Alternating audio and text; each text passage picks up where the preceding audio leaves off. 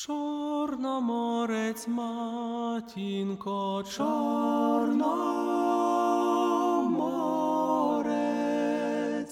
вивів мене босую на морозець.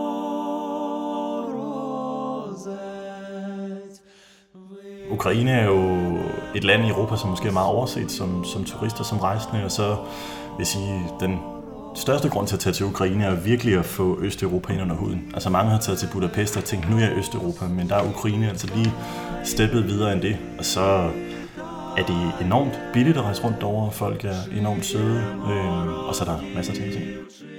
Her hørte du Michael Kravlund, som har rejst rundt i Ukraine i 14 dage. Han er journalist på DR, og jeg har haft ham i studiet, hvor vi skal høre mere om, hvordan det er at rejse i Europas største land, Ukraine. Hej og velkommen til. Jeg hedder Per Sommer, og jeg er din vært her på rejsepodcasten for rejsebloggen Taste the World. Inden vi går i gang med om Ukraine, så vil jeg gerne opfordre dig til at gå ind og give den her podcast et like, hvis du kan lide dagens afsnit. Det kan du gøre på iTunes, hvis du er en Apple-bruger, eller skal du gøre det der, hvor du plejer at lytte til din podcast. Så synes jeg også, du skal prøve at kigge forbi tastetheworld.dk. Her har jeg samlet en masse spændende rejseartikler, og du kan også få overblik over de øvrige rejsepodcasts, som jeg har lavet. Og så finder du selvfølgelig også Taste the World på Facebook og Twitter. Og hvis du følger Taste the World her, så får du altid nyt, når der kommer noget på bloggen. Men nok om det. Lad os komme i gang og høre mere om det spændende rejseland Ukraine. Velkommen til, Michael, og tak, tak. fordi du vil være med i dag. Vi skal jo tale om øh, Ukraine. Hvorfor tog du hovedet til Ukraine? Altså, hvad, hvor, hvor fik du den tanke fra? Jeg har længe øh, gerne vil netop altså for det her Østukraine, eller for, for Østeuropa ind under huden, og har længe haft et godt øje til Ukraine øh, i kraft af mit arbejde, hvor jeg har været rigtig meget beskæftiget med, med det østlige Ukraine, øhm, og har set mange billeder dernede fra for den krig, der pågår i det østlige Ukraine. Jeg har egentlig tit tænkt, jamen, hvad sker der så i den vestlige del af Ukraine, som jo egentlig i bund og grund er ret fredelig, øhm, og som man sagtens kan rejse rundt i, og så den del, jeg også har rejst rundt i. Så det var meget det her med at opleve, jamen, hvordan er en befolkning i et land, som teknisk set er i krig, men alligevel utrolig langt væk fra den her krig. Ja. Altså, hvordan opfatter de hele den her krig, der pågår? Og inden vi lige går videre, kan du ikke lige bare kort fortælle, hvem du er? Og jeg ved, du også har en rejseblog. Det kan ja. du lige kan fortælle lidt om det. Jamen, jeg hedder som sagt øh, Michael, og er 24 år. Har bloggen Scandinavian Vagabond, hvor jeg skriver om mine rejser, øh, når jeg ikke derovre ved siden af arbejder som journalist. Ja, og kan man finde den på Facebook? Du kan finde den på Facebook, Instagram, øh, scandinavianvagabond.com. Øh, Den er godt nok på engelsk, men øh, de fleste plejer at kunne finde den alligevel. Det lyder godt. Nå, men du, øh, du beslutter jo så for at tage til Ukraine. Øh, kan du fortælle noget om, hvad, hvordan du sådan har forberedt dig hjemmefra? At, jeg, jeg kender ikke så meget til landet. Jeg har ikke selv været. Skal man have et visum, for eksempel? Som dansker kan du rejse visumfrit til, til Ukraine, hvilket ja. er noget, de åbnede op for for ikke så lang tid siden. Ja. Og det gør det jo noget nemmere at rejse der til i hvert fald. Ja. Øhm, der er både Wizz Air, som flyver direkte fra København der til, til Kiev, og så Ukrainian Airlines flyver også direkte til Kiev. Okay. Så mulighederne for at komme frem og tilbage mellem Danmark og Ukraine er egentlig ret gode. Øh, jeg købte en, øh, en guidebog fra, fra Lonely Planet, fordi at mange ting i Ukraine er primært skrevet på ukrainsk eller på russisk, og i og med at jeg ikke taler de to sprog, eller kan læse det for den sags skyld, så var jeg sådan rimelig lost, når jeg søgte rundt på Altså, jeg kunne sagtens finde ting om, hvad skal man se, og hvor skal man tage hen, men hvordan fungerer det praktisk, og sådan noget, synes jeg, det var rigtig svært. Altså, specielt med transport imellem byerne, med tog og sådan noget. Øhm, så der var øh, Lonely Planets Ukraine guidebog min, altså min allerbedste rejsemarker. Din bibel på ja, turen? fuldstændig, okay. fuldstændig. Og hvad rejste du rundt alene derovre, eller var du sammen med nogen? Jeg var alene afsted i, i 10 dage med ja. rygsæk. Øhm, og egentlig, det er jo altid rart at have nogen med, men, men jeg stod, og der var ikke lige nogen, der havde tid, og så tænkte jeg, så tager, tager jeg afsted selv.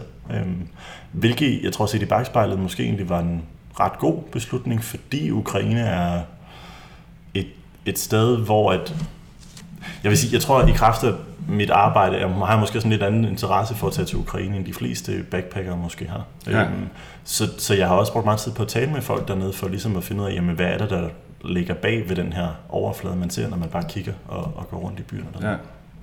Altså jeg har jo lidt den der fordom om, at østeuropæerne kan godt være lidt tillukket og måske nærmest uvenlige, men det oplevede du så ikke, kan næsten regne ud. Jeg havde den samme fordom, det jeg okay. tog afsted. Øh, og det er jo egentlig også derfor, jeg tænkte sådan, nu tager jeg til Ukraine og finder ud af de der, altså er ukrainerne så tillukket? Mm. Er de sådan lidt barske i det, som de godt kan se ud? Og jeg synes egentlig, de er enormt flinke, og når man først, altså man skal lige ind på dem, men når man så taler med dem, er de egentlig ret hvad skal man sige, open-minded eller sådan udadvendte. Ja, ja. Øh, og, og taler egentlig ret åbent om det. Der var flere, jeg spurgte ind til, jamen, den her krig, hvordan er det noget, der påvirker Hvor jamen, de siger, jamen, jamen, min bror havde været derovre, og jeg, jeg mødte en, en pige på, på min egen alder eller noget, som, som talte ret åbent om det her med, at hendes bror havde været i krig, og hvad det havde betydet for hende og hendes familie. Ja. Øhm, og hun boede selv, eller bor selv i Kiev, og, og der mærkede hun som sådan ikke noget til det, men hun var også selv med under alle de her protester, der var tilbage i 2014 i Kiev. Mm. Øhm, hele den her Majdan-revolution, som, som de fleste måske har hørt om. Ja. Øhm, og, og var ret åben omkring det, og, og de unge mennesker dernede er egentlig ret, altså taler godt engelsk, øh, interesseret i turister, og, ja. øh, og, og folk var ja, søde. Søde var. Mm. Nu nævnte du det selv, men øh, altså, jeg tror, mange danskere vil jo nok tænke øh, Ukraine, så er det også noget med øh, krig eller borgerkrig med nogle russere, og noget med Krimhalvøen, der er annekteret. Øh, er det sikkert at rejse i landet? Mærker man, øh, at der, der krigen er jo der stadigvæk, og for, jeg tror det er siden 2014, den er, hvor den startede. Er det noget, du mærkede til, da du var rejst i landet? Ikke rigtigt. Mm. Altså, det danske udenrigsministerium anbefaler ikke, at man rejser til Krimhaløen, som du nævner, og heller ikke til det østlige Ukraine, i det man kalder Donbass, mm. øh, som altså er Donetsk og Luhansk-regionerne, fordi det er der krigen, øh, krigen den pågår. Men, men i det vestlige Ukraine, og egentlig fra Kiev, og så ind mod, hvad skal man sige, øh, hovedeuropa, er, er sikkert at rejse i, øh, og forholdsvis tilgængeligt også. Ja.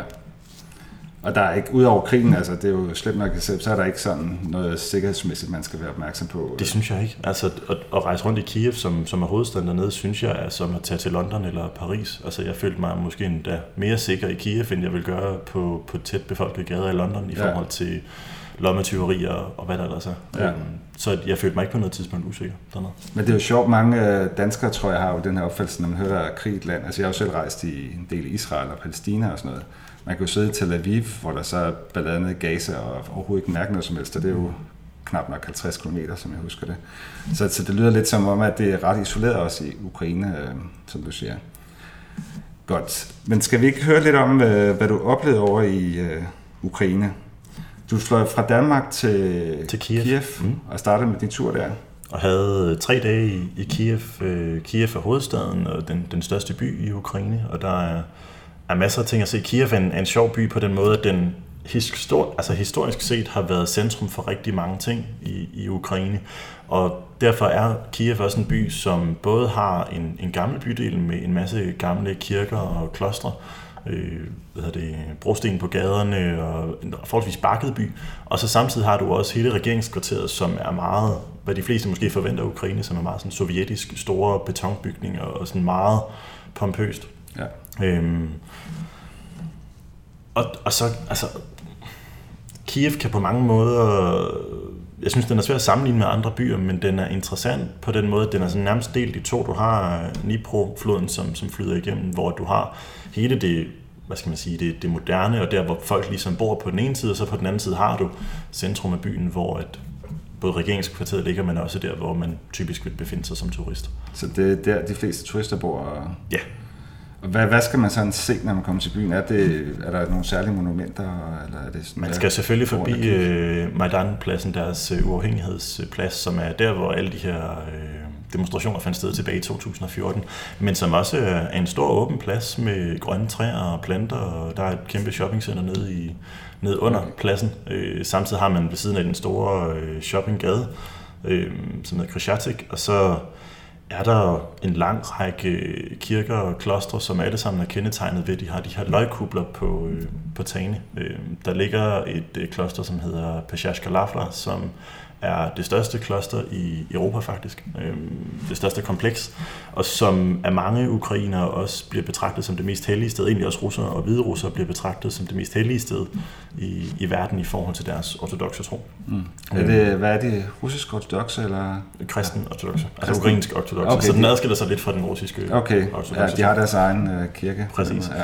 Men, men det, der er, er ret interessant ved det her Petyaska Lafra, er, at de har sådan nogle... Øh, det blev egentlig kaldt for et hulekloster, et cave monastery, som, som har, altså består af en lang række kirker inde i klosteret, men hvor man så kan komme ned ret langt ned under jorden i nogle, øh, i nogle gange dernede, hvor at man øh, ser øh, hvor, der, hvor der ligger en masse munke, som er mumificeret, ligger i sådan nogle glaskister øh, langs de her gange, og der er ret smalt dernede. Jeg kunne ikke stå oprejst, jeg er 1,95 høj, øh, og kan ikke stå oprejst dernede, og fik en lille smule ondt i nakken og øverste ryggen, jeg skulle gå bøjet dernede, fordi det er et ret stort kompleks. Okay, ja. øhm, men det var ret interessant, og jeg synes, det var ret vildt at se, hvordan de lokale ukrainer er dernede, fordi de er meget troende, og de øh, går rundt, så altså knækker de foran den ene øh, mumificerede munk på den ene side og kysser på, på kisten der, så vender de så på den anden side og kysser den anden munk, der ligger derom. Altså øh, mumierne kysser? Mumier. Ja, okay. altså som de ligger inde i kister, ikke? Nå, okay. de kysser ligesom kisten, øh, kisten. Okay, ja. og de her mumier er, er svøbt i nogle meget farverige klæder, hvor at der lige stikker en hånd eller en fod ud en gang imellem. Okay. Øh, og det er kun lyst op, hvis der er lys, så det er også ret varmt dernede. Så det er nærmest nogle helgene? Eller? Ja, ja, det, det, det ja, okay. Øhm, og normalt, jeg, jeg besøger ret tit kirker og kloster, ikke, specielt, ikke fordi jeg er specielt troende, men jeg synes, det er ret interessant, hvordan religion påvirker en lokalbefolkning. Og har egentlig ikke sådan de store skrubler ved at bevæge mig rundt på religiøse steder, men lige her kunne jeg godt mærke, okay, nu er jeg virkelig, virkelig tæt på, og havde det faktisk en lille smule, jeg vil ikke sige ubehageligt, men jeg kunne godt fornemme, at jeg skulle ikke sådan vige for meget ved siden af, fordi at det var sådan, man kunne godt fornemme den her religiøsitet. Der, altså ikke stikke sit kamera for langt frem? Nej, og, og du må heller ikke tage billeder dernede. Nå, okay. Øh, okay. Der, der er de sådan ret strikse. Okay, der, øh, man holder det heldigt. Og der er, der er vagter dernede, der ligesom kan se, okay, du er turist, du er ikke troende, som sådan. Ja, ja. Øh, ja. Man kan ikke få nogle guided ture dernede på, på engelsk, det er kun på russisk eller på ukrainsk. Okay. Øh, men man kan komme med på de her russiske ture, hvor man så ligesom bliver vist rundt og ned, og man kan se det, og, og bare det at opleve øh, hulerne dernede er, ja. er enormt interessant, og noget man helt sikkert skal gøre. Ja. Så du så en del kirker og klostre, og hvad, hvad kunne man ellers opleve? Hvordan er bylivet i? Er det sådan meget vestligt? Du, du sagde tidligere, at det var det rigtige Østeuropa. Er det sådan noget, man kan mærke i Kiev også? Altså, det er jo enormt billigt. Ja. Øh, det at gå ud og spise på en restaurant og koster ingenting. En, en fadøl koster måske en 5-6 kroner for en halv liter fadøl. Øh, bylivet i, i Ukraine er der øh, med klubber, og de har en rimelig stor sådan, bar scene. Der er rigtig mange bar, Ikke hvad jeg vil kalde popper, men sådan mindre mindre lokale og caféer. Barer, caféer ja. ja okay. øhm, så de er der, og, og de er, er folk, som ukrainerne, som, som godt kan lide, er mit indtryk i hvert fald, som godt kan lide at feste og få en øl en gang imellem. Ja. Øh, og så er de heller ikke bange for de hårde spiritusser. Jeg så, øh, at byen er vel lidt større end København. 2,9 millioner, synes jeg, jeg så. Øh. Ja, befolkningsmæssigt i hvert fald er den, er den stor, men også arealmæssigt. Altså det er okay. en kæmpe, kæmpe by, fordi ja. de ikke bygger specielt højt. København er heller ikke specielt højt bebygget i forhold til andre store byer, men, men alligevel har vi nogle højere huse her, hvor i Kiev er det ret lavt. Okay. Øh, specielt når du kommer uden for centrum. Ja, ja. Øhm, så, så den spreder sig enormt langt. Ja. Øh, og derfor skal man også vælge det med omhu, hvor man bevæger sig hen, at det der med at krydse byen fra den ene dag, eller på en, altså være et sted i byen, og så krydse byen for at tage et andet sted hen, er noget, man lige skal vælge med, med omhu, det fordi den er, det tager rigtig lang tid. Okay. Øh, Men hvordan kommer man rundt i byen? De har et ret udbredt metrosystem, øh, som, som kører rimelig ofte. Ved det ofte. Det koster 20-25 øre for en tur med metroen, okay. så det, det er noget, man kan komme i nærheden Man skal ikke snyde metroen der. Nej, præcis. Det, der er interessant ved metroen, er, at den er en af de, de dybeste metroer i verden. Øh, jeg tror, at den og Nordkorea, de konkurrerer lidt om, hvem der er den dybeste. Okay. Jeg ved ikke helt med nordkoreanerne, når de siger, at deres er den dybeste, men men den i Kiev, altså jeg blev, jeg blev snydt øh, af det og glemte det faktisk, fordi når man er i, i København og tager metroen her, jamen der er du nede på perronen i løbet af 30 sekunder eller sådan noget. Ikke? Ja.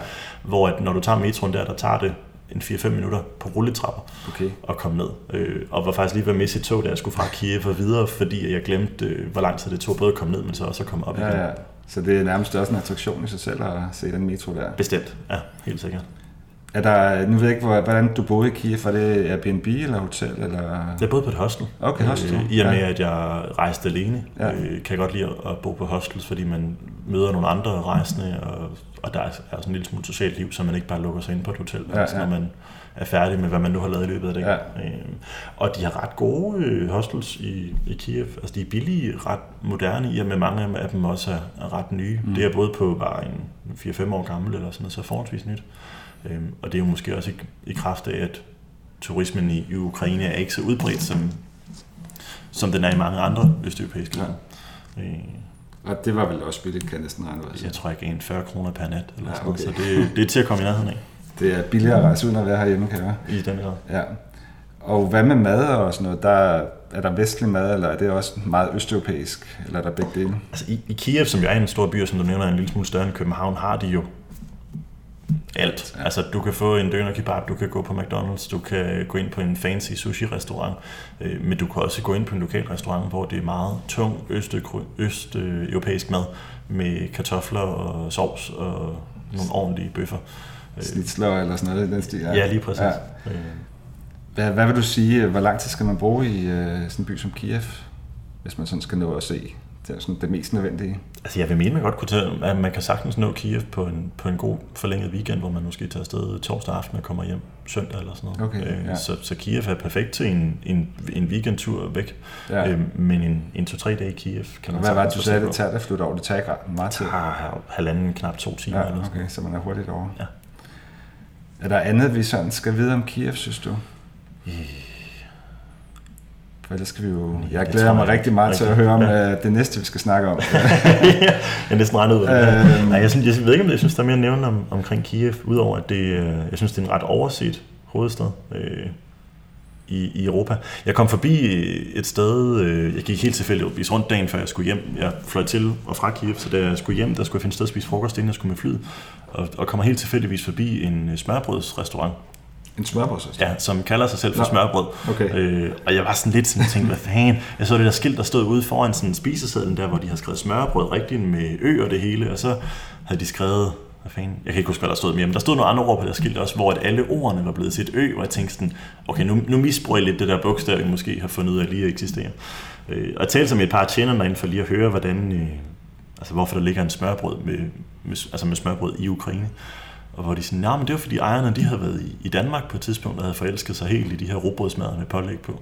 Sjovt. Øh, og altså virkelig øh, fantastisk øh, smørbrød, som sagtens kan måle sig med det smørbrød, Så du får fik, øh, herhjemme. du smagte, jeg, smagte, jeg fik øh, æg og rejer i, i Ukraine, ja.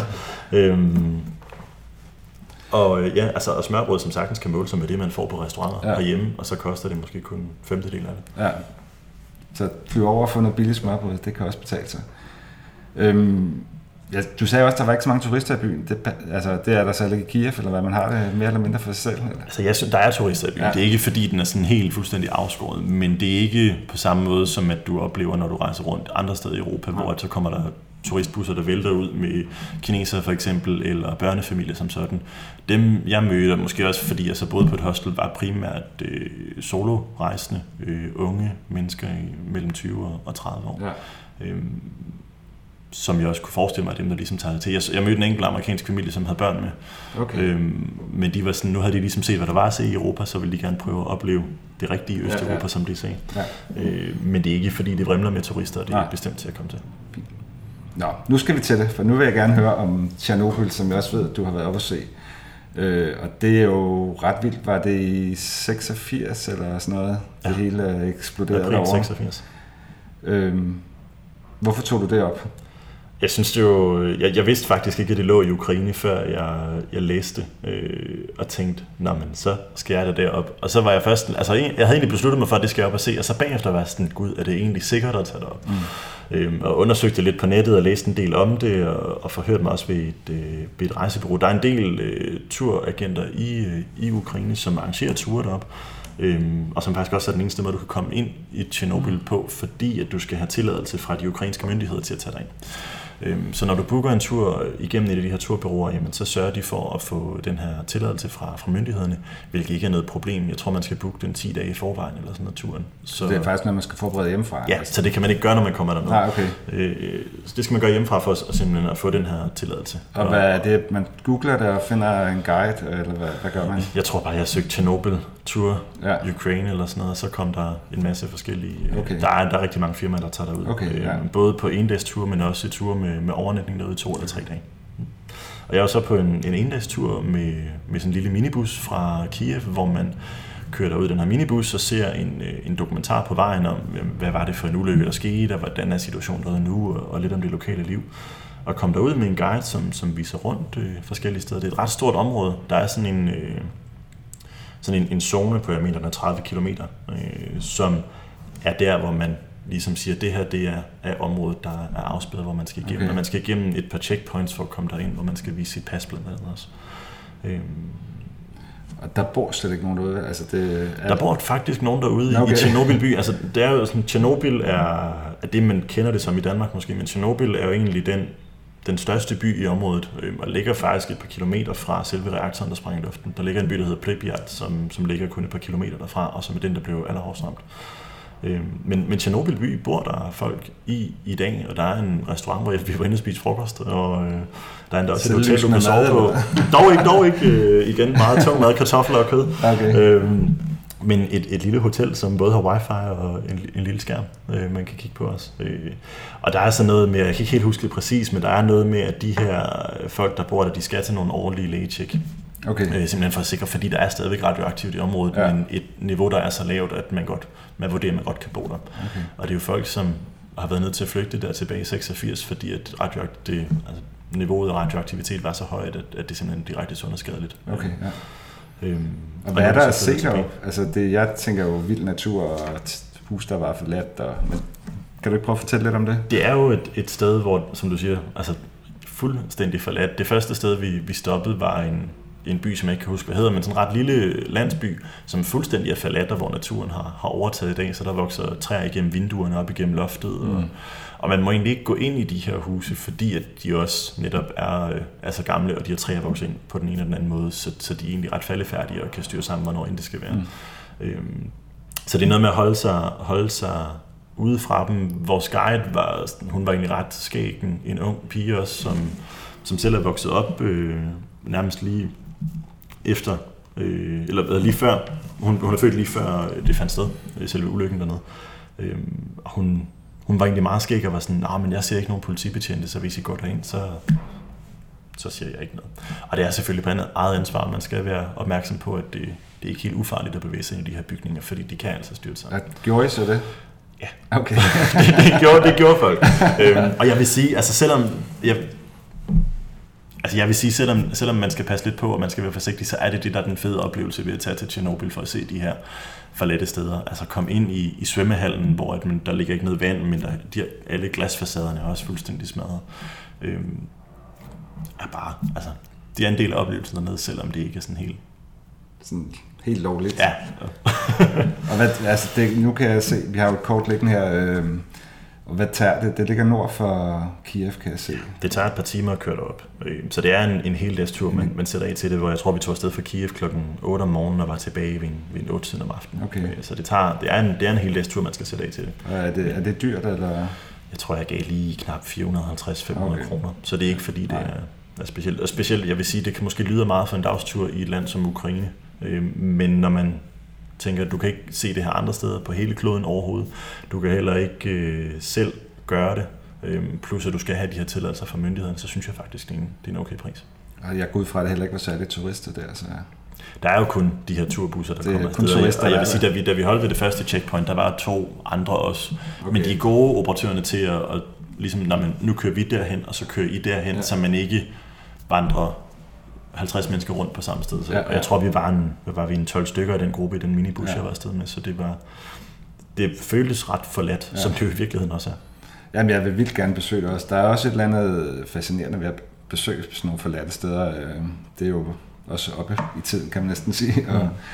Så når jeg engang skal derover, skal jeg helt sikkert også op og kigge der. Godt, skal vi prøve lige at rykke lidt videre, så Kiev, Tjernobyl, og hvad så?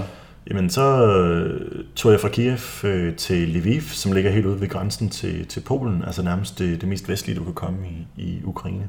Og, og hvordan kom du der? Jamen, du kan... Tog er den mest oplagte måde at komme mm. derud på. Øh, du kan tage et, et tog, som tager en 5-6 timer i løbet af, af dagen, men du kan også vælge at tage et nattog, som jeg gjorde, øh, som heller ikke koster det store. Jeg tror, det var en 60-70 kroner eller sådan noget for et nattog, som tager små 10 timer, hvor du tager afsted fra Kiev om, om aftenen, og så er du næste morgen ret tidligt i, i Lviv. Øhm, og kunne du bare bestille det samme dag, eller var det også Det bestilte jeg også på forhånd. Okay, øh, ja. Og det var mere fordi, at jeg var lidt usikker på, hvordan og hvorledes og hvordan fungerer det nu, og hvad hvis hende dame bag skranken på banegården i Kiev ikke forstår, hvad jeg siger, kan jeg så overhovedet komme afsted. Så jeg havde faktisk øh, bestilt min, min togbilletter på forhånd rundt i, i hele okay. Ukraine. Ja. Øhm, af den simple årsag. Også fordi deres, deres hjemmeside, de har, altså deres statsbanerne i Ukraine har en hjemmeside, som faktisk også er, er på engelsk. Øhm, og som er ret tilgængelig. Man skal bare lige finde ud af, hvordan den fungerer. Det brugte okay. en del tid på herhjemme først. Øhm, men da jeg så fandt ud af det, så var det egentlig til at, at finde ud af det. er sådan noget, når man bestiller togbilletten, jamen, så skal man vinge af, om man vil have en eller to kopper te på turen. Og, okay, det er meget styret. ja, bestemt. Men, men gode tog. Øh, God standard. Ja. De, altså, ja, alt er relativt, ikke? Ja, øhm, men, ja. men, men du får en, en dyne, og du ligger på en forholdsvis behagelig seng, og øh, der kan godt blive lidt varmt. Nu var jeg stadig i april, og det var sådan lige der, hvor der begyndte at være en, en 20 grader dernede på det tidspunkt. Øh, træerne var ikke rigtig sprunget ud, men sådan lige der, hvor det vinter bliver til mm. forår. Øhm, og der var 25-26 grader i de der kopéer, man, man ligger i, sådan nogle firemandskopéer. Ja. Og sådan rimelig lunt. Okay, øh, tæt men, luft. Øh, ja, præcis. Ja. Øh, og du kan ikke øh, åbne vinduet og sådan noget. Nå, okay. Men, øh, kan man spise på toget og sådan noget? Eller det prøvede du måske ikke? Det prøvede jeg faktisk ikke, mm. øh, fordi det netop var om natten, og jeg tog afsted ret sent, så jeg spiste okay. inden jeg tog afsted. Ja. Øh, så jeg ved det faktisk ikke, men, men du må gerne medbringe mad på toget, ja, okay. som du kan, kan spise. Øh, og så afleverer du din billet, når du går ombord, ligesom du gør mange andre nettog, og så kommer den og bliver givet til dig igen, når, når du skal af. Okay. Øh, men det er ikke sådan, der er en højtaler, der siger, at nu bliver det næste stop om 20 minutter eller sådan noget. Ude på gangen øh, i vognen, der hænger der sådan en oversigt, hvor man kan se, jamen, hvornår er vi de forskellige steder. Okay. Øhm, fordi jeg panikkede lidt første gang, jeg hoppede på toget der, fordi da hun tog hende her, øh, stewardessen, eller hvad man kalder dem på tog, hun tog min billet, og det er først efter, hun har taget den, det går op for mig, gud, jeg kan ikke huske, hvornår jeg er i Lviv, for jeg vidste, at køre videre det tog her, så jeg tænkte, hvad nu, hvis jeg ikke vågner? Nu er du øh, i Polen, eller? ja, præcis, ja. det er lige før. Øh, og der hang så heldigvis den her øh, oversigt ud på gang, hvor man okay. kan, kan se, hvornår toget er ja. hvorhen. Men hvad, hvad er Lviv? Er det sådan, man siger det? l v i det, det, Ukrainerne kalder det Lviv, øh, russerne vil, vil sige Lvov. Okay. Øhm, og det er en, en by, der har haft mange navne igennem tiden, og som også, netop fordi den ligger der i grænselandet mellem Polen og Ukraine, en, en by, som så har den været polsk, og så har den været ukrainsk øh, frem og tilbage, har vist også været ungarsk på et tidspunkt. Ja. Øhm, men en, en by, som adskiller sig meget fra det øvrige Ukraine, synes jeg, fordi at den netop ligger så tæt på Polen, minder den en lille smule om, om Krakow, en, en slags mini-Prag, øh, og er meget mere sådan, hvad man måske vil opleve som det klassiske Østeuropa, som de fleste danske turister måske har oplevet.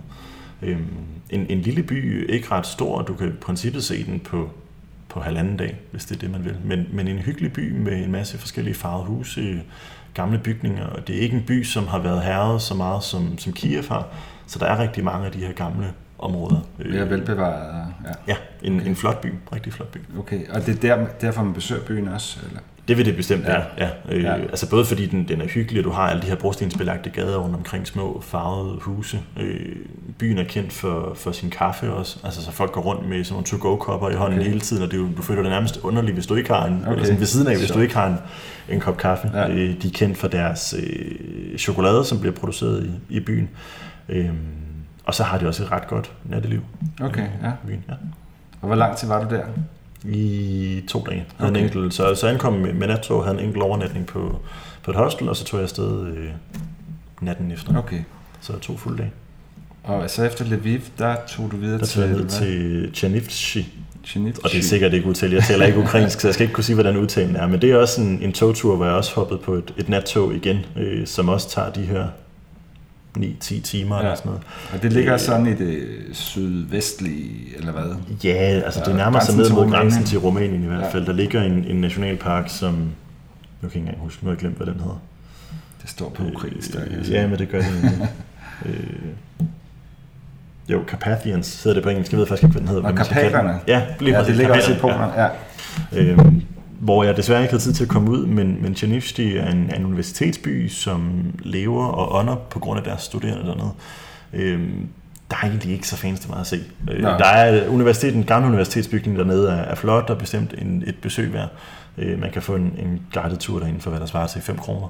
Okay. Øh, og, og det er bestemt det, det, der ligesom er at se. Så hvis man har lidt begrænset tid, kunne man... Man kunne sagtens hoppe over det. Springe ja. den i den måde. Så tog du videre til også et sted, der er måske lidt svært at udtale, tror jeg. Kamjanets Podolski, ja. vil jeg udtale det som. Øh, nogle, nogle steder hedder det Kamjanets Podilski, det er sådan lidt forskelligt, hvor, hvordan de, de staver det dernede. Øh, men er, hvad jeg vil sige, en af de byer, hvis Ukraine virkelig fik taget sig sammen til at blive en turistdestination, og virkelig fik brandet sig selv, mm. er det sådan et sted, hvor at, at man vil opleve de her postkortfotos fra. Man har altså, i byens ikon dernede af et gammelt fort, et gammelt slot, hvor at man kigger ned over en bro, og det ligger ligesom sådan på toppen af en, et plateau, hvor der sådan er en dal rundt omkring, hvor bjerget eller slottet ligger på toppen. Og man kigger hen over den her bro, og det er sådan meget idyllisk. Man kan nærmest forestille sig, at der kommer ridder med lanser øh, ridende ned over den her bro. Velbevaret også. Ja, meget velbevaret. Øh, og byen i sig selv også hyggelig, øh, forholdsvis lille by også, så det er ikke fordi, man behøver så lang tid der. Men, men det er, det er rigtig hyggeligt. Der boede du også, eller?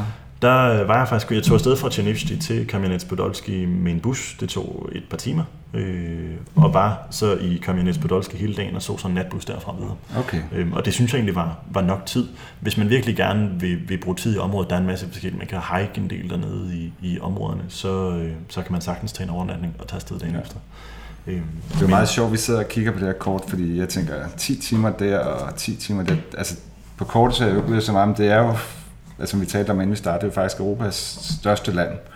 Øhm, så det er jo, der er nogle lange afstande, man kan rejse. Øhm. Ja, og så bestemt set i lyset af, at Ukraines øh, infrastruktur er måske heller ikke den, den mest effektive, okay. eller den mest øh, udbygget. Ukraine har tog og sådan, hvad man vil sige, jeg ved ikke engang, om jeg vil kalde dem gode togforbindelser, øh, men de er de der. Er der. De er der. Øh, altså, på ingen måde, hvis man rejser med tog i Europa før, så, så skal man lige vente sig til at rejse med tog i Ukraine. Okay. Øh, fordi selvom det fungerer på samme måde, så er det slet ikke lige så udbredt deres øh, netværk af, af ruter dernede. Øh, for eksempel kan man ikke komme fra Kiev til Chernivtsi, der skal man via Lviv, ah. øh, eller til Kamenets Podolske som en bus. Øh, okay. Og det er meget de her nattog, de ligesom bruger, ja. også de lokale ukrainer, ja. til at komme omkring, fordi afstandene netop er så store. Ja. Og fordi deres veje dernede, i hvert fald, hvad der er mit indtryk, ikke er specielt... Øh, velholdte. Øh, okay. Så, så det at køre rundt i en bil, er der ikke nogen, der anbefaler, nej, nej. hverken Lonely Planet eller FDM så gør. Øh, så, øh, så jeg vil helt klart rejse med tog rundt, ja. selvom det tager tid. Men det er billigt. Det er også rigtig hyggeligt at køre med tog. Jeg elsker det. Godt, du var nu kan Kameninets Podolski. Derfra tog du så til Odessa. Ja, Odessa, som jo ligger nede ved, ved Sortehavet, øh, og som er en by, jeg synes, der adskiller sig rigtig meget fra det øvrige Ukraine, fordi at den er sådan lidt mere hvad skal man kalde sådan lidt mere middelhavs øh, præget, man, man kan ligesom fornemme, når man kommer der, at den ligger ned til kysten, du har de her huse, der har udsigt ud over, ud over vandet, du har strande i Odessa, øh, strand, natklubber på stranden. Okay. Øh, der er noget delfinshow dernede, og øh, samtidig også en kæmpe, kæmpe stor havn, i og med det er Ukraines øh, største industrihavn. Øh, men, men en by, hvor man virkelig kan fornemme, at der har været penge på et tidspunkt. Ja. Øh, kæmpe store øh, bygninger og palæer rundt omkring i byen, som i dag godt kunne trænge til en klat maling og mere end det. Ja. Øhm, men et sted, hvor der virkelig har været penge, hvor folk kører i åbne biler og lidt mere ja, Middelhavs. Det synes jeg har hørt, at altså under Sovjettiden, der tog de der apparatniks, eller hvad det hedder, de tog derned og holdt ferie, altså spidserne i det kommunistiske parti er, ja. Der, derfor der skulle ligge en masse store villaer også. Lige præcis. Ja. Altså hele kysten fra, fra Odessa og, og så videre hen mod, det, mod Rusland er et sted, hvor Ukraine, men også hvor russere historisk set er taget ned for at holde ferie, okay. og det kan man sagtens mærke. Ja, der er rige mennesker. Der er, stadigvæk. Der, der er penge, ja. Men hvad, altså, hvad skal man opleve i Odessa? Jeg kan godt have, at der er noget strand, der er lækkert og sådan noget. Øh. Altså, jeg har en eller anden drøm om også at tage et nattog fra Kiev til Odessa på et tidspunkt. Mm. Der er et eller andet mytisk over den by, synes jeg, ja. næsten. Og det er egentlig ikke fordi, altså, fordi jeg havde også selv sådan tænkt, jeg skal til Odessa øh, og se, hvad der er, og det er ikke fordi, der er så mange altså nogle must-see, altså ting, man skal se mm. noget. Men det, der helt klart var fedest, synes jeg, var øh, at komme ud og opleve det, som de kalder katakomberne, som i virkeligheden er nogle gamle minegange. Mm. Odessa er en by, som er bygget af de her sandsten, som er sådan ret blød sandsten, der bliver formet til nogle sten, man kan bygge hus i. Mm. Øhm, og det er noget, man har gravet ud under byen, så, så, og der er ikke nogen, der har overblik over, hvor lange de her minegange er, men man har i hundredvis af år øh, minet det her sandsten ud fra, fra undergrunden dernede. Og i dag kan man øh, komme på nogle, nogle guidede ture øh, derud. Man tager, lidt, øh, tager en bus lidt uden for byen, og så kommer man ellers ned i de her gange, hvor der overhovedet ikke er noget som helst. Der pågår ikke, øh, der er ikke noget minedrift længere, øh, og der er bælragende mørkt. Så det, er på, dernede, ja, det kan man i den okay. grad. Hvad gør man? Det med en guide så? Eller? Det er med en guide, okay, ja. ja. Øh, jeg kan ikke engang, hvad gav jeg?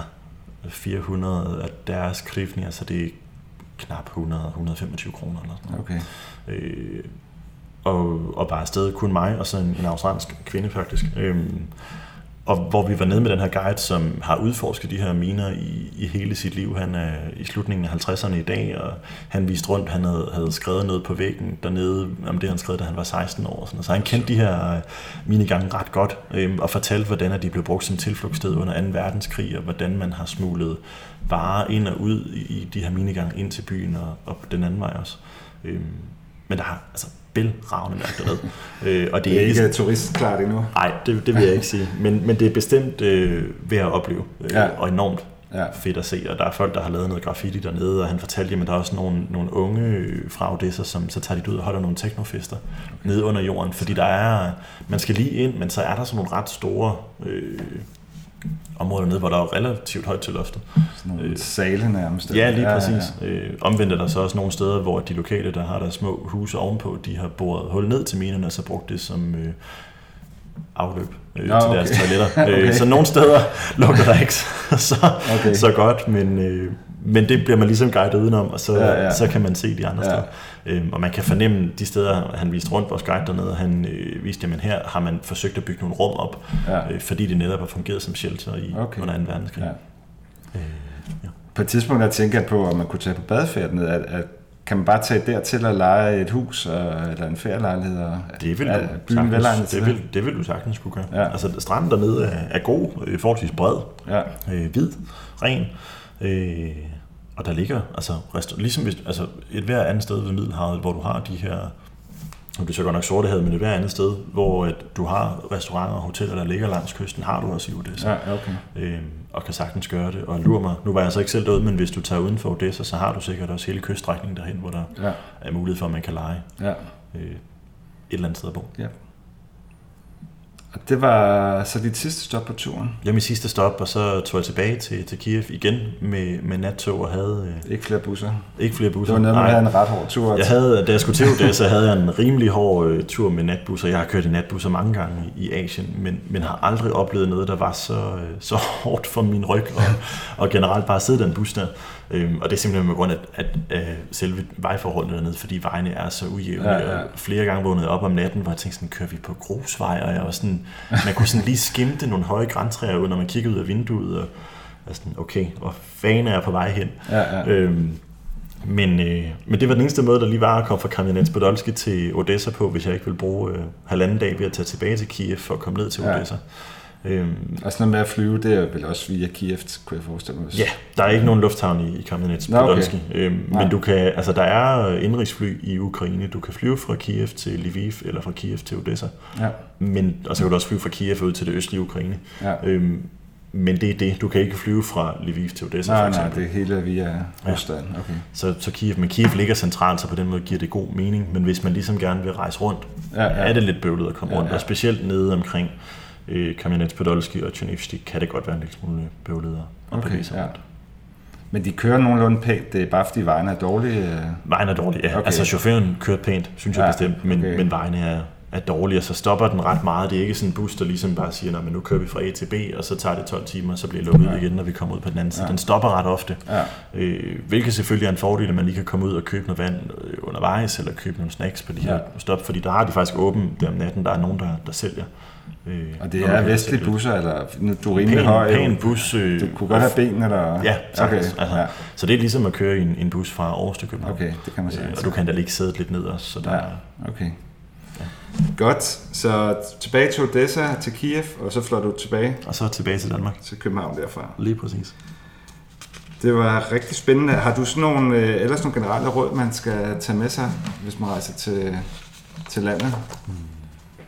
Er der noget, du gerne vil have set, som du ikke fik set? Øh, der er der måske noget mere natur, eller? Jeg kunne rigtig godt tænke mig at have været ude i, i Karpaterne dernede i Nationalparken. Ja. Øh, også fordi der skulle de have nogle rigtig flotte øh, landskaber at, ja. at vandre rundt i. Ja. Øh, det fik jeg ikke tid til. Omkring Lviv ligger der også en, en del mindre byer med en del øh, slotte. Også faktisk, Ukraine har enormt mange slotte i hele det vestlige Ukraine. Okay. Netop på grund af det gamle, altså polsk og ungarsk præget. Ja, ja. Øhm, så der er nogle ting, men bare der ligger, Lviv ligger der lige nord for en by, der hedder Lutsk. Bare det tager tre timer at komme okay, hen til, ja. så det er heller ikke noget, du bare lige kan gøre. Nej, nej, nej. Så det tager tid, ja, man når man skal til Ukraine. Øhm, så man skal have lidt tålmodighed, hvis man rejser rundt i landet? Man skal have rigtig meget tålmodighed. Ja, ja. Øh, til gengæld, togene kører til tiden. Øh, de ankommer til tiden. Øh, og det er en sikkert sådan en, en russisk kultur, der har præget det lidt, kunne man forestille sig. Ja. Øhm, men, men min største fordom om Ukraine var, at det var meget sovjetpræget, øh, og meget russisk, meget beton, meget gråt. Byråkratisk. Øh, ja, og, og det er det bestemt ikke. Nej, ikke okay. mit indtryk i hvert fald. Et, et flot land, et, øh, et smukt land, øh, og så er folk enormt venlige. Det lyder rigtig godt. Jeg må se at komme afsted. Men tak fordi du kom i dag og fortalte om uh, Ukraine. Det var så lidt. Tak fordi du lyttede med i dag. Jeg synes, det var rigtig spændende at tale med Michael i dag om hans rejseoplevelser i Ukraine. Jeg fik i hvert fald selv lyst til at tage det over, og det håber jeg også, du gjorde. Hvis du kunne lide dagens afsnit, så gå ind og giv et like i iTunes, eller der, hvor du ellers lytter til den podcast. Og så prøv at kigge forbi uh, Taste Worlds Facebook-side, eller kig forbi hjemmesiden tasteworld.dk og finde mange flere rejseartikler og podcast. Vi hører snart ved igen til endnu et spændende rejsepodcast.